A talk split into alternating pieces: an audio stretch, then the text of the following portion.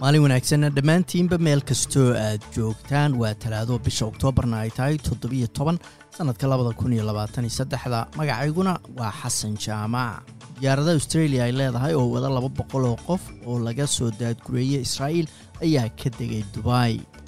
Nin konton iyo lix jira ayaa geeriyooday kadib dab qabsaday guryo ku yaalla xeebaha waqooyi ee gobolka new south wales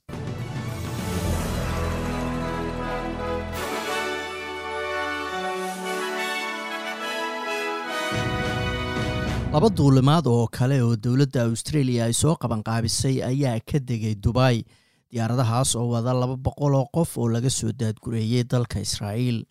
Ku-xigeenka ra'iisul wasaaraha dalkan australia richard miles ayaa sheegay in sagaashan iyo lix muwaadiniin u dhashay jasiiradaha basifigu ay sidoo kale ku jiraan boqol iyo sagaashan iyo afarta qof ee saarnaa diyaaradahaasi maadaama ayuu yidhi australia ay caawimaad u fidinayso muwaadiniinta gobolka oo dhan mr miles ayaa sheegay in ilaa iyo hadda aysan jirin duulimaadyo kale oo la qorshaynayo. Safiirka israa'iil u jooga dalkan australia amiir muumin ayaa kambara kula kulmay xildhibaanada xisbiga liberaalka. Maalin kadib markii xisbiyada waaweyn ay taageero u muujiyeen dalka israa'iil iyo bulshada yuhuudda kadib markii labada xisbi ay ka hadleen gudaha baarlamaanka federaalka dowladda israa'iil ayaa bilowday inay ciidan badan isu keento si ay weerar ugu qaado kooxaha islaamiyiinta ee xamaas. Kadib markii weerar bishii oktoobar toddobadeedii ay xamaas ku dileen kun iyo saddex boqol oo qof ayna sidoo kale boqol iyo konton kale qafaasheen.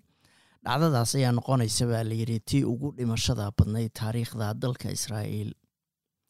Safiirka ayaa sidoo kale sheegay inuu ka mahad celinayo taageerada australia ay u fidinayso israa'iilna ay ka go-an tahay inay isdifaacdo.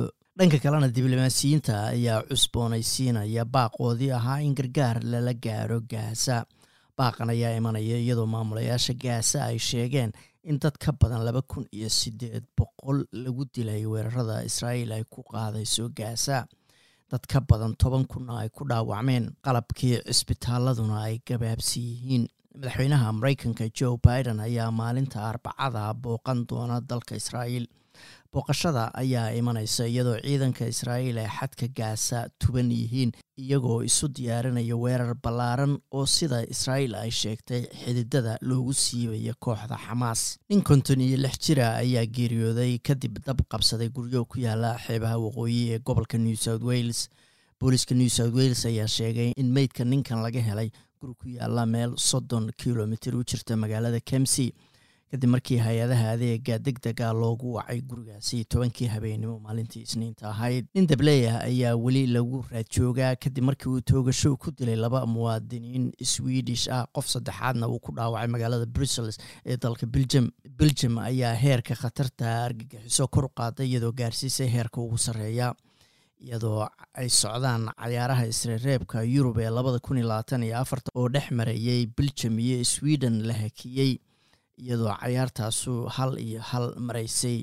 Ayay kooxda sweden codsatay in cayaartaasi la kansalo ama la joojiyo. Dad qaxooti ah oo dalka oo dhan ka soo kala safray ayaa toddobaadkan tegaya magaalada cambara ee caasimada dalkan australia si ay u codsadaan in viisooyinka ku-meel gaarka ee dalka ay ku joogaan laga dhiga mid joogta. Saadaasha hawada brita oo arbaca magaalada melbourne waa cadceed iyo labaatan iyo afar halka sydney qayb ahaan daruur ay tahay iyo labaatan digrii halka australian dollar maanta waxaa lagu sarfayay lixdan iyo saddex senti oo lacagta maraykanka ah